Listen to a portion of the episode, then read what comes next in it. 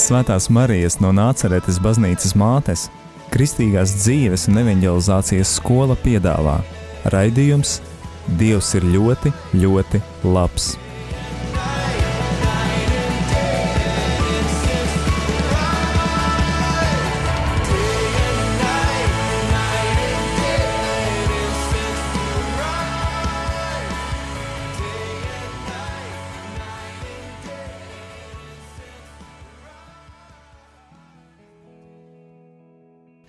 Sveiciens studijā visiem radiom arī Latvijas klausītājiem. Esam atpakaļ pirmdienā ar raidījumu Dievs ir ļoti, ļoti labs. Šodienas raidījumā klausīsimies liecības no nometnes oāzes dalībniekiem un komandas dalībniekiem, jeb animatoriem par to, ko viņi šajā nedēļā ir piedzīvojuši, kā Dievs viņus ir izmainījis kā viņi paši ir mainījušies un kā tas turpina ietekmēt viņu dzīves uh, arī šodien. Un sāksim ar pirmo liecību, kas ir no dalībnieces skatas. Sveiki! Mani sauc Kata Gāliņa. Es eju 9. klasē. Man ir 16 gadi, un es dzīvoju Lietpājā. Uh, kā es uzzināju par oāzi? Es uzzināju par oāzi caur draugu. Um, šogad es pirmo reizi tur biju. Uh, pirms oāzes man bija tāds haoss galvā. Tā kā es eju 9. klasē, man uh, bija daudz jautājumu par to, ko es gribu darīt nākotnē. Man arī nebija īpaši tādas uh, ciešas attiecības ar Dievu. Tā kā oāze man atnāca tieši laikā. Uh, un man nebija nekur jābrauc. Bija interesanti tas, ka oāze pati atnā, atbrauc pie mums uz Liepāju un notika tieši mu, manā skolā. Un, jā, tas bija kā dieva sūtījums man, dieva dāvana. Nu Jā, uh, šī oāze man bija kā izaicinājums. Es iegūstu jaunus draugus, es iepazinu jaunus cilvēkus. Es izkāpu no savas komforta zonas. Um, jā, jaunieši bija ļoti draudzīgi. Un, uh, es jutos tā, it kā es viņus jau sen pazītu, kas ir ļoti interesanti. Man patika dienas rutīna un ritms kā mēs uzsākām dienu ar izkustēšanos un uh, uh, dieva slavēšanu. Jā. Manuprāt, tas ir svarīgi, ka mēs uzsākam dienu ar uh, pozitīvu noskaņu. Jo tas ir, ir atkarīgi visu dienu no rīta. Man patika otrās dienas. Um, beigu aktivitāte, kad mēs uh, devām savus melus dievam, melus, kuriem mēs bijām noticējuši. Mēs tos uzrakstījām uz akmeņiem un uh, iemetām jūrā nākamajā dienā. Uh, šie meli mums nokrita, novēlās no sirds, gan fiziski iemetot jūrā, gan arī garīgi. Tas man palīdzēja sevi iemīlēt vairāk. Vēl kas man ir palicis atmiņā, bija dejas. Uh, mēs mācījām, mums mācīja dejot vienu dienu, un uh, dejā parasti sadalās pārī puisis un meitene. Parasti puiši ir tie vadītāji. Un, uh, un caur šo deju es kaut kā sajūtu to dieva mīlestību. Un, jā, dejas beig, tad, kad mums pēc mācīja deju, mums arī pateica to, ka, ka ir jāļauj dievam tevi vadīt. Tāpat kā šajā dejā es sajūtu to, ka, ka man ir jāuzticas dievam, jāļaujas viņam un uh, viņš tevi vadīs um, pa labiem ceļiem. Viņš tevi nekontrolē, viņš tevi vada. Jā, bija arī ļoti interesantas lekcijas. Um, tās pārsvarā bija par nākotni, par izvēlēm, piemēram, ģimenes aicinājums vai arī priestrības aicinājums. Tas man lika aizdomāties par manu nākotni, par, manu, par maniem mērķiem. Es uzzināju, kādas ir aicinājuma pazīmes. Es vēl neesmu pilnīgi pārliecināta par to, ko es gribu darīt, bet dzīve vēl ir priekšā. Tā kā izvēles ir daudz, bet visu vajag pamazām. Jāslavē Dievs, jāļauj viņam vadīt. Jā, ikdienas dzīve pēc oāzes ir tāda ļoti dīvaina, jo uh, atgriezties skolā bez oāziešiem šķiet savādāk. Bet šīs atmiņas man vēl paliek tā kā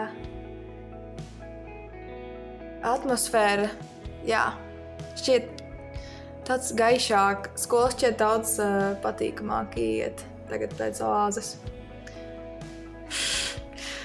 Jā, es arī pēc oāzes cenšos um, to rutīnu kaut kā arī savā dzīvē ieviest. Piemēram, pamostoties, arī pateikties pavingrot, pateikties Dievam par uh, visu, slavēt viņu un uzticēt viņam visu dienu, lai tā uh, ar gaišu noskaņu. Lai visu dienu būtu Dieva rokās. Un uh, à, es aizmirsu piebilst to, ka mēs arī dienas beigās uzrakstījām, mēs dienas grāmatā pierakstījām to, kā, kā mums gāja, dienu es arī to gribēšu um, ieviest savā ikdienas rutīnā, kā es uh, pierakstu, kā man gāja. Un, um, varbūt arī lūkšanas pierakstīšu kaut kādas kā, nu, iekšējo balsi.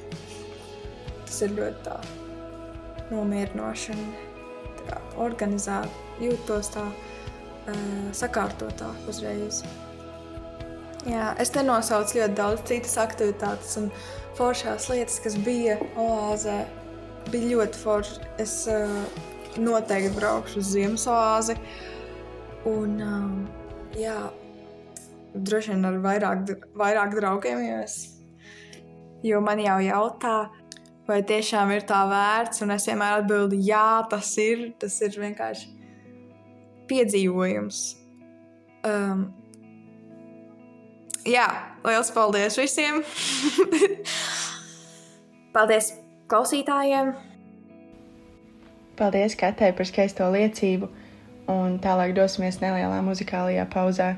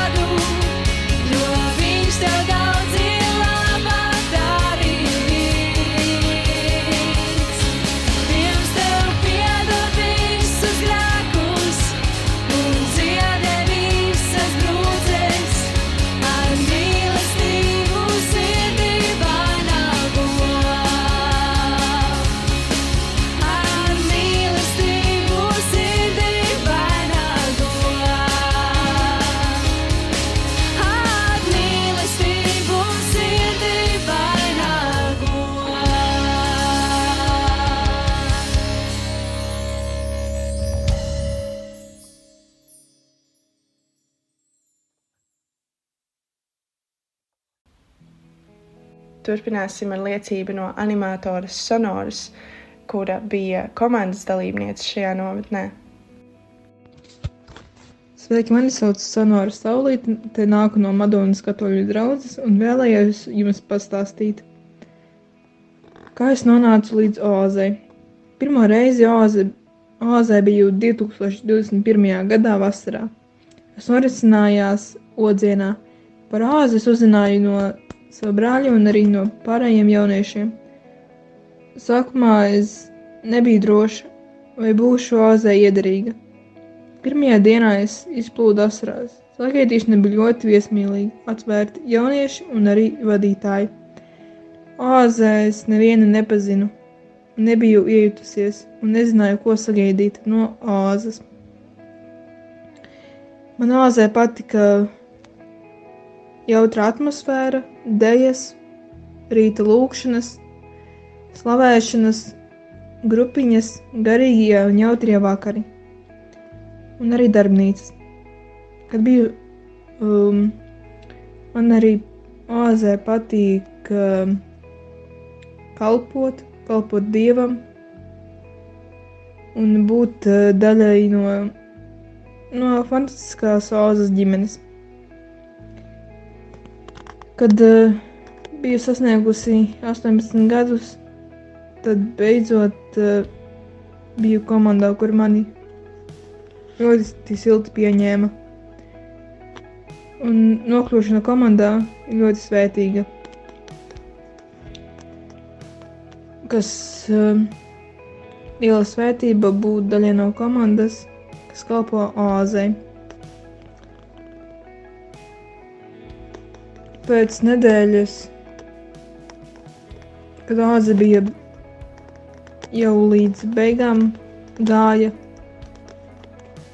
Tad ir tāda, tad man bija skumjas, ko nevar aprakstīt. Bija asaras un ilgas. Grūtākais ir um, atvadīties no oāzes un arī bet, uh, oāze ir ļoti brīnišķīgi un jauki cilvēki, ļoti smaidoši, pilns ar, pilni ar sirdi, ļoti atvērti, un es arī iesaku citiem nebaidīties, braukt uz uh, oāzi un būt uh, daļai no šīs lielās ģimenes.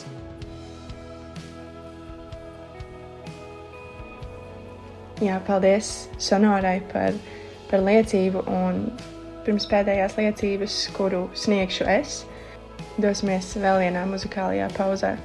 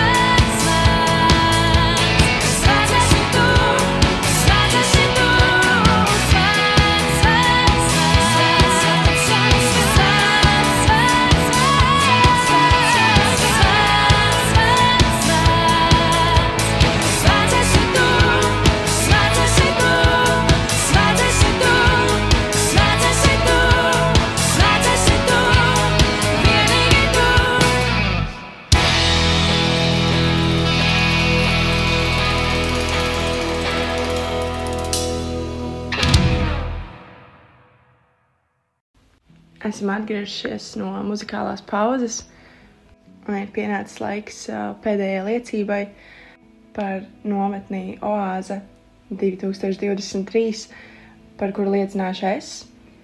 Tātad mani sauc Santīna Veselova, es esmu studente, un rudens sākumā tiku uzaicināta būt daļa no Rudens Oāzes 2023 komandas. Man jau iepriekš bija bijusi pieredze oāzē, bet, uh, diemžēl, tikai kā komandas dalībniekam, jo par tādu nometni kā oāze es uzzināju tikai šī gada vasarā, kur man arī bija tas, uh, tas prieks, tā svētība būt uh, daļai no komandas kopā ar saviem draugiem, taču tas man arī nedaudz atvēra acis uz to, cik daudz uh, es būtu iegūsi, ja par šādu nometni būtu uzzinājusi agrāk vai savos tā teikt tīņa gados. Jā, bet tā kā stāsts nav par, par vasaras oāzi, tas ir par rudens oāzi. Es jau aptuveni zināju, ko sagaidīt pirms pašas nometnes. Zināju jau, kādus jauniešus var sagaidīt, zināju, kā ar viņiem runāt. Arī sapratu un apzinājos vispār, ko nometne pati var sniegt man kā komandas dalībniekam, ne tikai dalībniekiem, kuri uz to ir atbraukuši. Pirms pašas nometnes man īsti nebija nekādu šaubu par to, vai es došos es viennozīmīgi zināju, ka vēlos tur būt un ka man tur ir jābūt. Protams, man sagaidīja tādi šķēršļi, kā pēkšņi ielikts eksāmenis nometnes vidū. Tāds eksāmenis, kuru pārlikt es nevaru, kuru pārkārtot arī nevaru citā dienā, tāpēc tas tomēr iesēja nedaudz tādu šaubu graudu nometnes pašā sākumā man personīgi jo es nezināju, vai es paralēli spēšu pamācīties, nezināju, vai es paralēli spēšu būt vienlaikus, vai vispār vienlaikus nodoties gan mācībām, gan kalpošanai nometnē. Un man šķiet ļoti daudz sapratīs, par ko es runāju, kad es saku, ka tad, kad mēs par kaut ko uztraucamies, vai kad uh, mēs gaidām kādu konkrētu datumu vai notikumu, uh, mēs esam tādi ievainojamāki, emocionālāki un daudz sāsinātāk uztveram visus šķēršļus, kas stājas mūsu ceļā. Man bija ļoti, ļoti līdzīgi, bet uh, kaut kā Dievs visu sakārtoja tā, ka pirmās nometnes dienas bija vienkārši superīgas, dalībnieki bija ļoti atsaucīgi. Mēs kopā spēlējām spēles un iepazināmies. Un īsi pēc tam man nācās arī pamest šo nometni uz vienu dienu, lai dotos uh, rakstīt eksāmenu.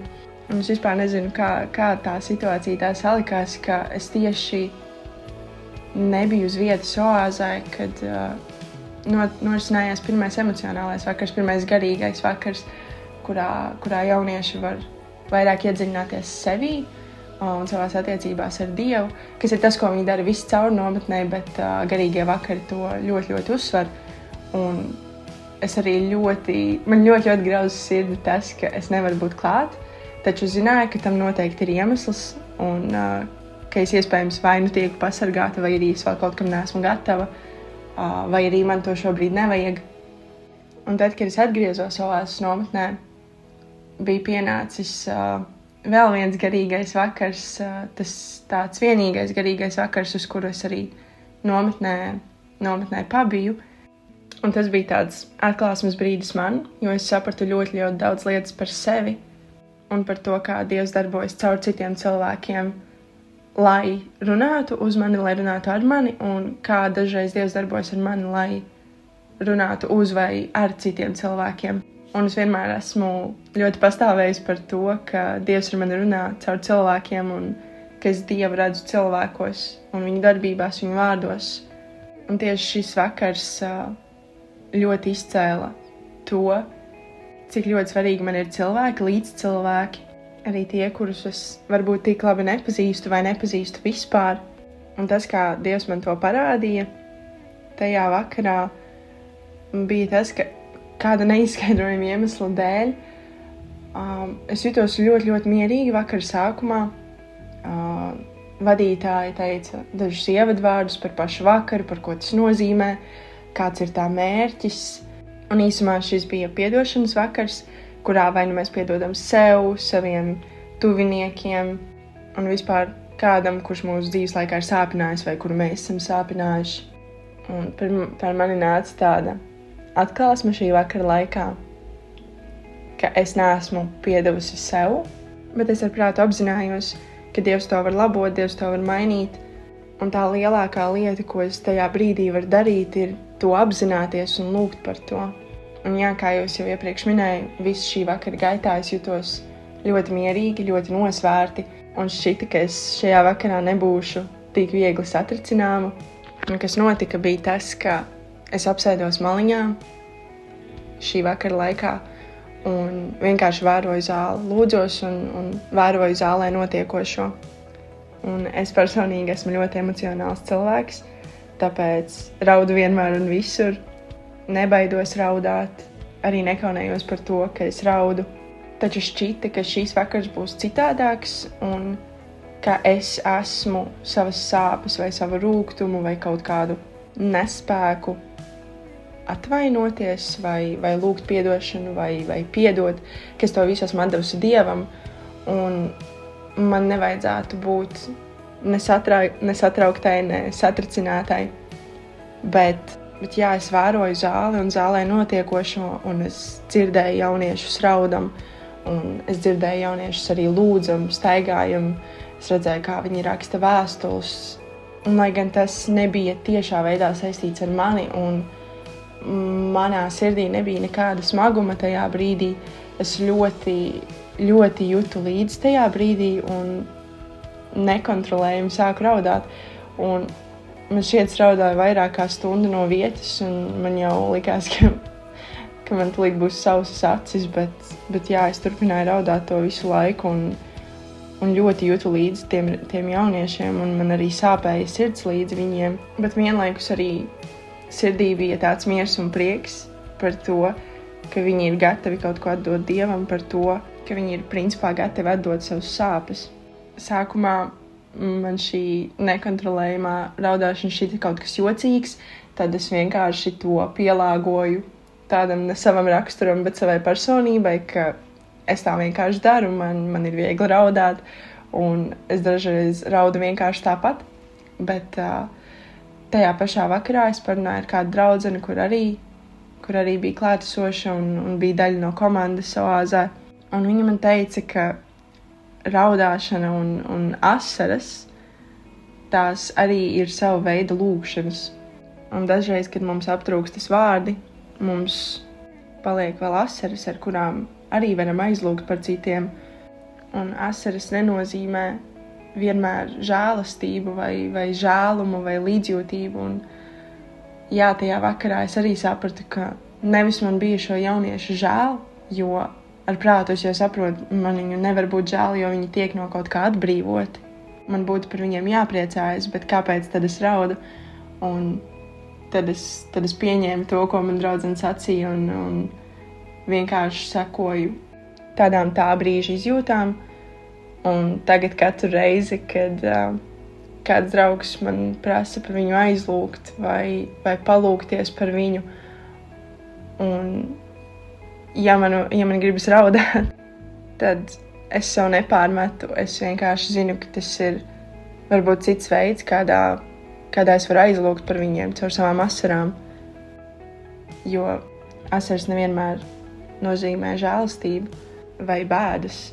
Tāpēc jā, tas, ko šī rudens oāze manī izmainīja, ir tā, tāda, tāda perspektīva vai skats pašai uz sevi. Lai gan es pati neuzskatu, ka es esmu ļoti paškritiska, ļoti bieži es sev pārmetu par savām emocijām, it īpaši, it īpaši ja šīs emocijas izpaužas asaru veidā, tajos brīžos, kad šķiet, ka, ka nevajadzētu raudāt vai ne ka tas nešķiet piemērot situācijai. Un pati nometne man bija ļoti sirdī tuva un, un svarīga arī tādā ziņā, ka uz to bija uzaicinājusi kādu ļoti, ļoti tuvu cilvēku. Un tā bija šim cilvēkam pirmā oāze arī.